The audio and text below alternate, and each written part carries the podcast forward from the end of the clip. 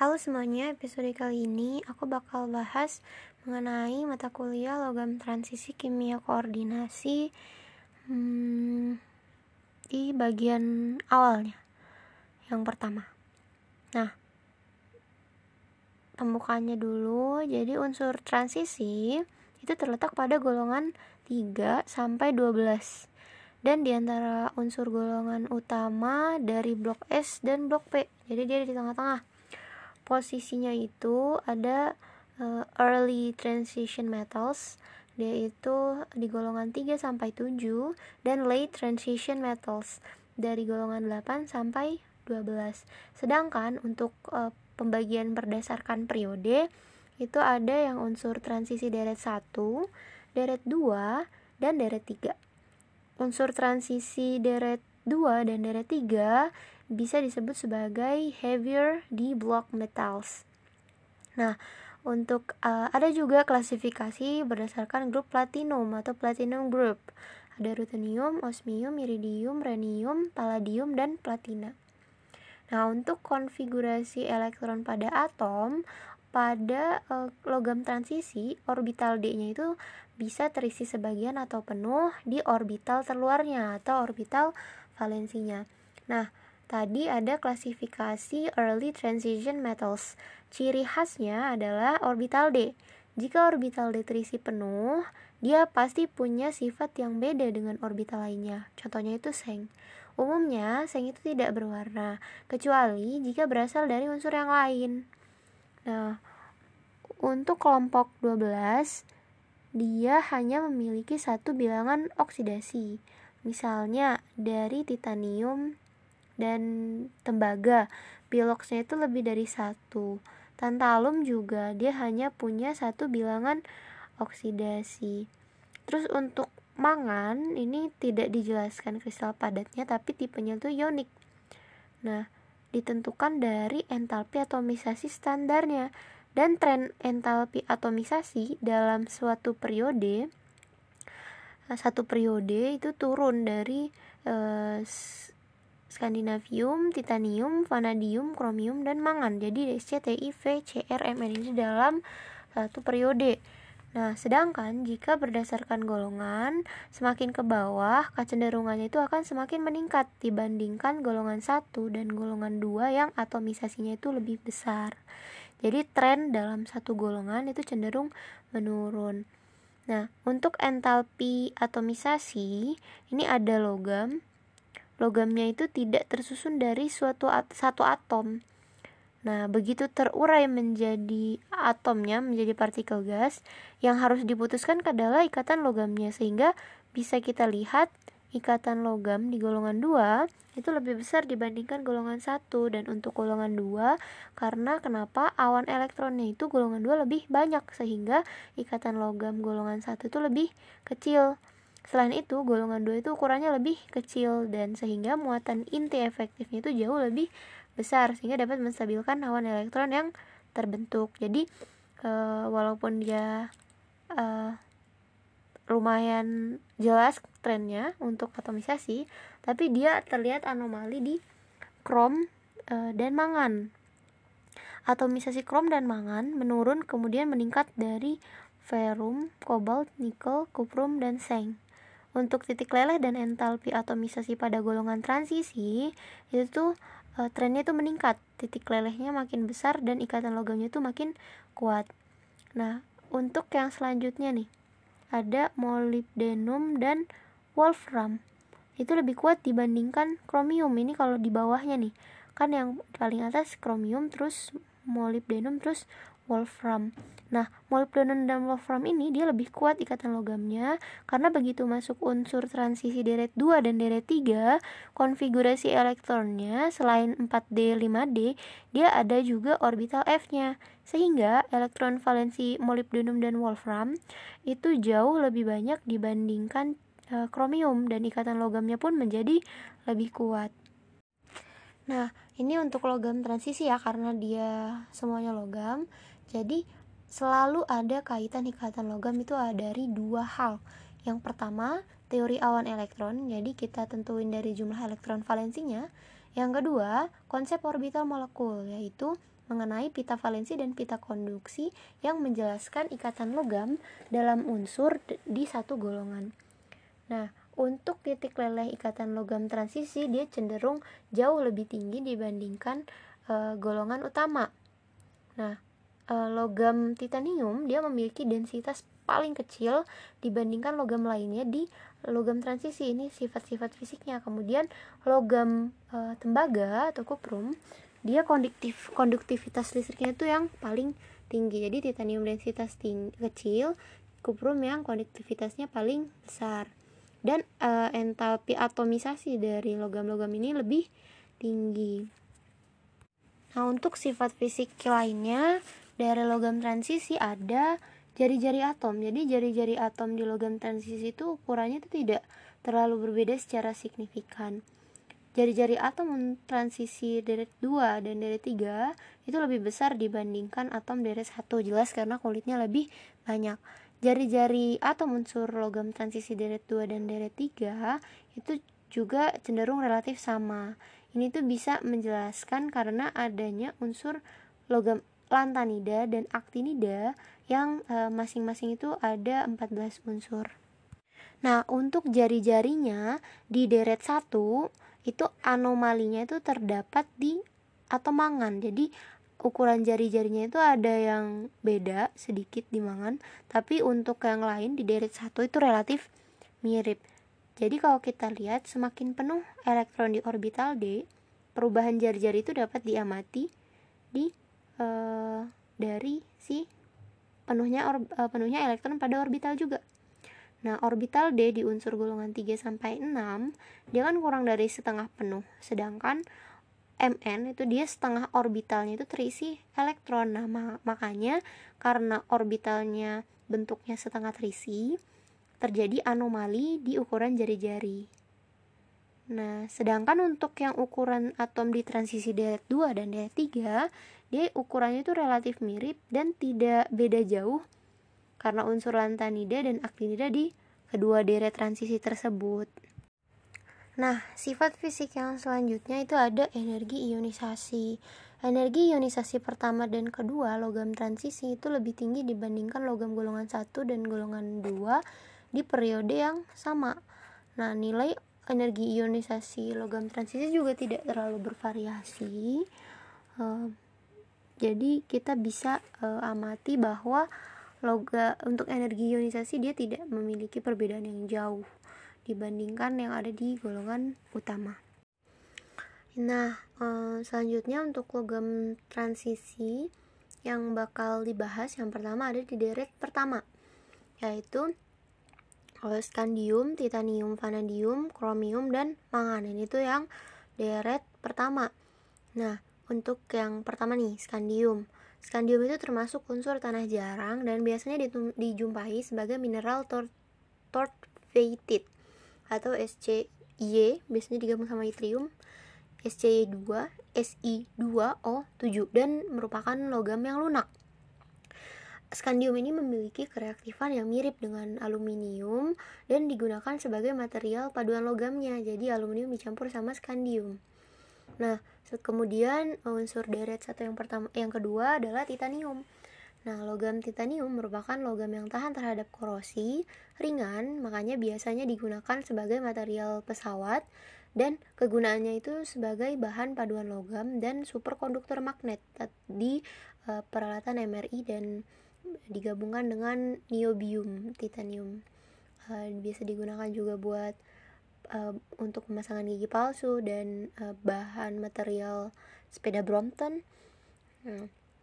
Kemudian unsur yang ketiga adalah vanadium. Nah, vanadium ini banyak dijumpai pada material baja sebagai paduan logam. Nah, vanadium juga biasa digunakan sebagai bahan pembuat pisau dan perkakas bengkel atau rumah tangga. Ini ada contoh bahan aluminium ada 6000 series SAS steel grades. Ini alloy baja yang mengandung karbon, mangan, silikon, kromium, vanadium dan e, jumlah minor fosfor dan sulfur. Selanjutnya yang unsur keempat adalah kromium. Nah, kalau logam kromium ini secara umum digunakan sebagai bahan untuk paduan logam pada industri baja sebagai material pelapis logam lain juga bisa atau plating. Nah, kemudian mangan. Logam mangan digunakan sebagai bahan untuk paduan logam material baja. Nah, biasa digunakan juga pada kaleng minuman dengan aluminium. Jadi dia mengandung 1,5% mangan dan di rel kereta api bahannya adalah mangan. Nah, ini ada unsur triad uh, vanadium, kromium, manganda. Nah, untuk uh, golongan deret pertama ini, unsur tersebut, ketiga unsur vanadium, kromium, dan mangan, dia bisa membentuk spesi oksoanion, yaitu ion VO43- atau vanadat, CRO42- atau kromat, dan MNO4- atau permanganat. Ketiga unsur tersebut memiliki struktur tetrahedral. Nah, itu untuk deret pertama, penjelasan secara umumnya. Nah, untuk yang logam deret 2 dan deret 3, ini ada golongan 4. Di golongan 4, deret 2 dan 3 ada zirconium dan hafnium. Logam ZR itu biasa digunakan pada reaktor nuklir zirconium. Materialnya high-tech, pompa, dan tahan terhadap korosi temperatur tinggi. Nah, kemudian untuk golongan 4 hafnium, dia digunakan sebagai paduan logam dengan wolfram untuk filamen dan elektroda. Nah, di golongan 5, di deret 2 dan 3 ada niobium dan tantalum. Untuk niobium, dia memiliki kekerasan mirip dengan titanium dan elastisitasnya itu mirip dengan ferum atau besi. Kalau logam tantalum, dia memiliki ketahanan terhadap korosi yang cukup tinggi dan biasa digunakan pada peralatan bedah. Selanjutnya pada golongan 6 di deret 2 dan 3 ada molybdenum dan tungsten atau wolfram. Untuk logam molybdenum ini merupakan salah satu unsur yang memiliki titik leleh yang tinggi.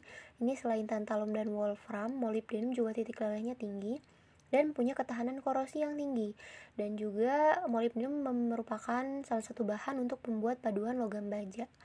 Nah, kemudian untuk logam wolfram dia digunakan sebagai filamen pada lampu atau filamen uh, uh, pada tabung sinar X atau elektrodanya. Nah, untuk golongan 7 ada teknetium dan rhenium. Nah, kalau teknesium ini isotop 99 TC-nya digunakan pada bidang kesehatan untuk radioterapi dan radioimaging. Kalau rhenium digunakan sebagai paduan logam dengan wolfram, molybdenum sebagai material filamen. Untuk katalis dalam reaksi juga bisa di reaksi hidrogenasi dan alloy dengan Ni untuk menghasilkan material turbine blade dan memiliki titik leleh sangat tinggi. Jadi itu untuk logam deret 2 dan deret 3 ada zirconium hafnium, niobium tantalum, molybdenum tungsten, teknesium, dan rhenium ini ada sumber logam transisi di deret 1 kalau misalnya sumber logam transisi di deret 1 kan ada besi ya. Nah kalau besi di alam itu dia tidak dijumpai dalam bentuk murni. Jadi uh, dia dijumpai dalam bentuk mineral magnetit, hematit, limonit, pirit, dan kromit.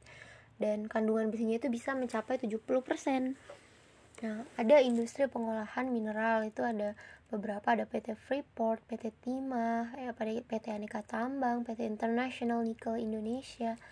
Nah, untuk eh, karena dia ada dalam bentuk mineralnya, maka dibutuhkan ekstraksi logam dan pemurnian untuk mendapatkan uh, material logamnya, logam transisinya. Nah, untuk ekstraksi logam dari mineral ada empat tahap yang uh, secara umum dilakukan untuk mendapatkan senyawa murninya. Yang pertama kalsinasi, kedua roasting, ketiga reduction, keempat refining. Nah, untuk proses kalsinasi adalah proses pemanasan sampai terjadi dekomposisi untuk memisahkan pengaduk dari pengotor. Nah, yang kedua ada roasting. Jadi mineralnya dipanasin pada temperatur tinggi di keadaan oksigen berlebih untuk uh, menghasilkan oksidanya. Nah, terus yang ketiga ada refining atau pemurnian dan yang terakhir ada reduction atau reduksi senyawa oksida yang didapatkan. Nah, untuk jenis-jenis mineral dari masing-masing unsur itu ada banyak banget. Ada scandium, ada tertophytite, titanium, ada ilmenite, anatasit, rutil, brokit, perovskite. Kemudian vanadium ada vanadit, carnotite, polisulfit. Kemudian kromium ada kromit, dan mangan ada pyrolusit, zirconium dan hafnium ada zircon dan alfit, niobium tantalum ada kolumbit molybdenum ada molybdenit wolfram ada wolframit dan untuk teknesium itu biasanya merupakan artificial element atau elemen artifisial sebagai pemancar beta partikel. Kalau rhenium biasanya dijumpai di dalam mineral molybdenum. Nah, selanjutnya adalah mengenai ekstraksi logam. Nah, kalau ekstraksi logam yang pertama bakal aku bahas adalah mengenai logam titanium. Jadi ekstraksi logam titanium diperoleh dari dua jenis. Ada dua jenis proses. Yang pertama adalah proses klorida, yang kedua adalah proses sulfat. Untuk proses klorida, kita menggunakan oksida titanium oksida yang diberikan dengan uh, gas klorin dengan karbon menghasilkan TI4 atau TiCl4 dan gas buangannya karbon dioksida. Nah, reaksinya itu bisa uh, berlangsung pada suhu 1200 Kelvin. Nanti reaksinya bisa balik ketika si TI4 di TiCl4 direaksikan dengan oksigen. Dia bisa menghasilkan TiO2 atau titanium oksida lagi dan uh, gas Cl2. Nah, proses yang lain yaitu selain proses klorida adalah proses sulfat. Nah, proses sulfat kita bisa dapatkan dari mineral ilmenit uh, untuk FeTiO FeTiO3. Nanti uh, kalau yang pertama tadi proses klorida adalah reaksi redoks, kalau proses sulfat adalah reaksi asam basa, yang mana yang bertindak sebagai asalnya adalah asam sulfat atau H2SO4. Dan yang bertindak sebagai basa adalah mineralnya FeTiO3. Nanti kita bisa menghasilkan Fe3 di Fe2SO4 kemudian TiOSO4 dan FeSO4 atau Fe2 serta H2O. Nah, kemudian nanti TiOSO4-nya yang udah dihasilkan nanti merupakan senyawa padatan yang bisa terhidrasi menghasilkan TiO2 NH2O dan H2SO4 lagi. Nanti TiNH2O kalau dipanaskan juga bisa mengurai, airnya bisa keluar.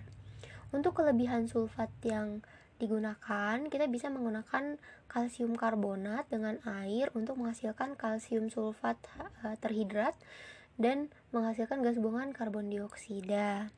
Itu adalah untuk ekstraksi logam titanium. Selanjutnya ada ekstraksi logam vanadium. Nah, cara mendapatkannya yaitu mineral vanadium dipanggang dengan amonium karbonat NH42CO3 untuk menghasilkan amonium vanadat yang setelah diendapkan NH4VO3-nya dipanaskan dan membentuk um, vanadium 5 atau V2O5. Nanti V2O5-nya ketika direaksikan dengan kalsium, kita bisa mendapatkan vanadium dalam keadaan murni dan padatnya 2V solid tambah 5 kalsium oksida.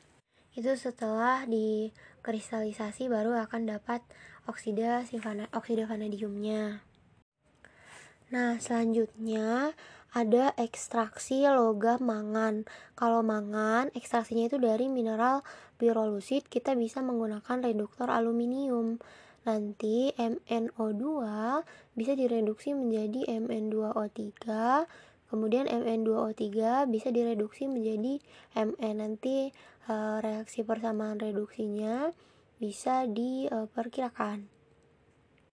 Nah, kalau misalnya kita mau mengekstraksi uh, logam krom, itu biasanya dari mineral kromit atau FeO Cr2O3.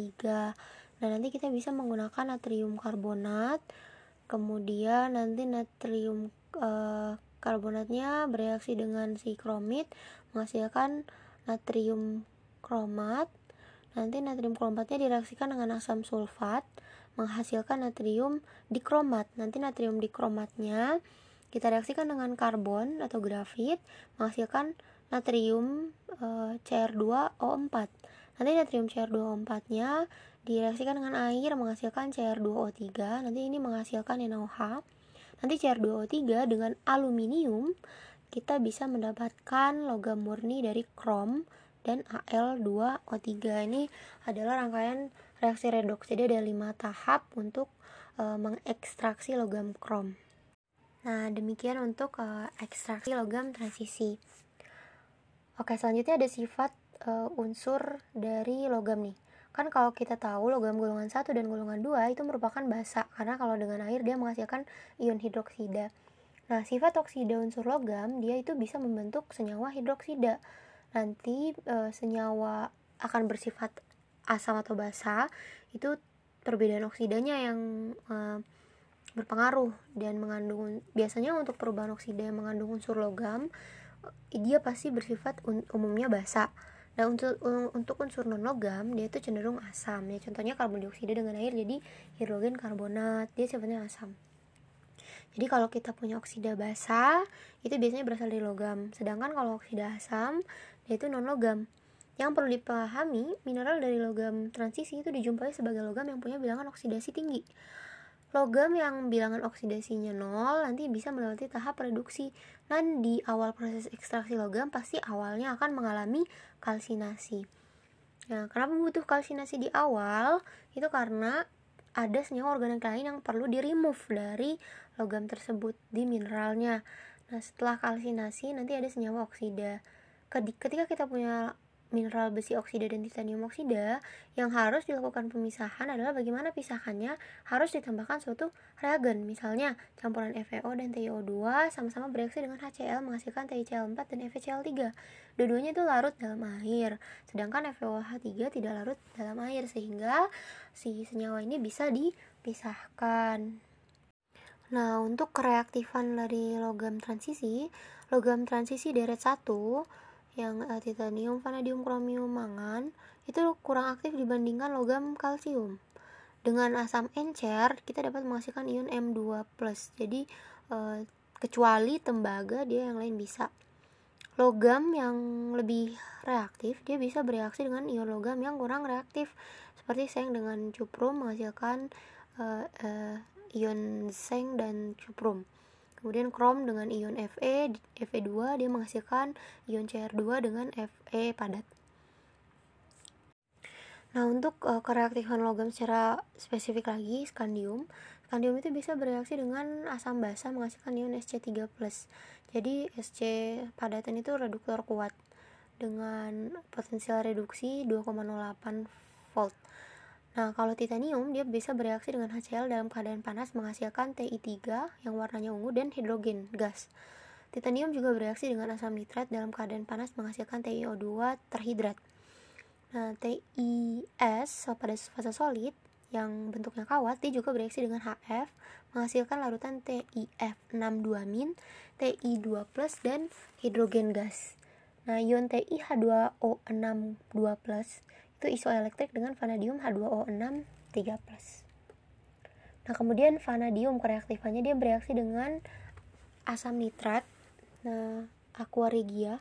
Vanadium merupakan reduktor yang kuat, jadi potensial reduksinya sangat kecil, min 1,18. Nah, untuk mangan yang wujudnya padat, dia ini larut dalam asam encer menghasilkan ion Mn2+. Itu untuk kereaktifan kereaktifan dari deret 1. Nah, untuk konfigurasi elektron dari masing-masing unsur logam transisi. Nah, biasanya kita bisa menggunakan bentuk konfigurasi elektron transisi secara umum adalah gas mulia NS2 N-1DX. Konfigurasi elektron unsur transisi itu 4S itu terisi 2 elektron. Nanti dia bisa mengisi 3D selanjutnya. Nah, yang paling banyak bilangan oksidasi variasinya itu mangan, tapi kalau di lead transition besi itu paling tinggi dalam larutan uh, dalam larutannya itu plus 3, kobalt juga plus 3 jadi semakin besar muatan inti efektifnya maka elektron valensi akan semakin kuat ke terikat ke inti dan ukuran atom mangan dan krom itu lebih besar. Elektron di orbital 3D terisi setengah penuh juga kalau di Mn. Kalau di Cr tolakan elektronnya jauh lebih besar dibandingkan krom uh, di uh, di mangan juga jari-jari atomnya itu uh, sedikit lebih besar karena yang orbital terisi setengah penuh tadi. Nah, untuk early transition golongan 4 TI uh, itu uh, konfigurasinya S ARS2 3D2. Nah, ini tuh bisa lepas maksimum sampai 4 elektron untuk titanium kalau vanadium bisa sampai plus 5 kalau besi sampai plus 3 Nah, jari-jari atom tuh makin kanan makin kecil, jadi bisa dijelaskan dari muatan inti yang makin besar. Jadi elektron valensinya itu makin terikat kuat. Untuk early transition, muatan inti efektifnya itu kecil. Kalau elektron valensinya terikat kuat, ya susah dilepaskan dan bloknya itu cenderung rendah. Dan kalau muatan inti efektifnya rendah, elektron valensinya itu lemah, sehingga atom lebih mudah melepas seluruh elektron valensinya. Ini ada beberapa bilangan oksidasi yang ditentukan dari uh, diagram oks bilangan oksidasi transisi yang umum dimiliki oleh deret 1 nah sepertinya untuk uh, bagian awal dari logam transisi deret 1, deret 2, deret 3 pengenalannya cukup sampai di sini. Nanti di episode selanjutnya kita bakal bahas mengenai senyawa-senyawa dari logam transisi terima kasih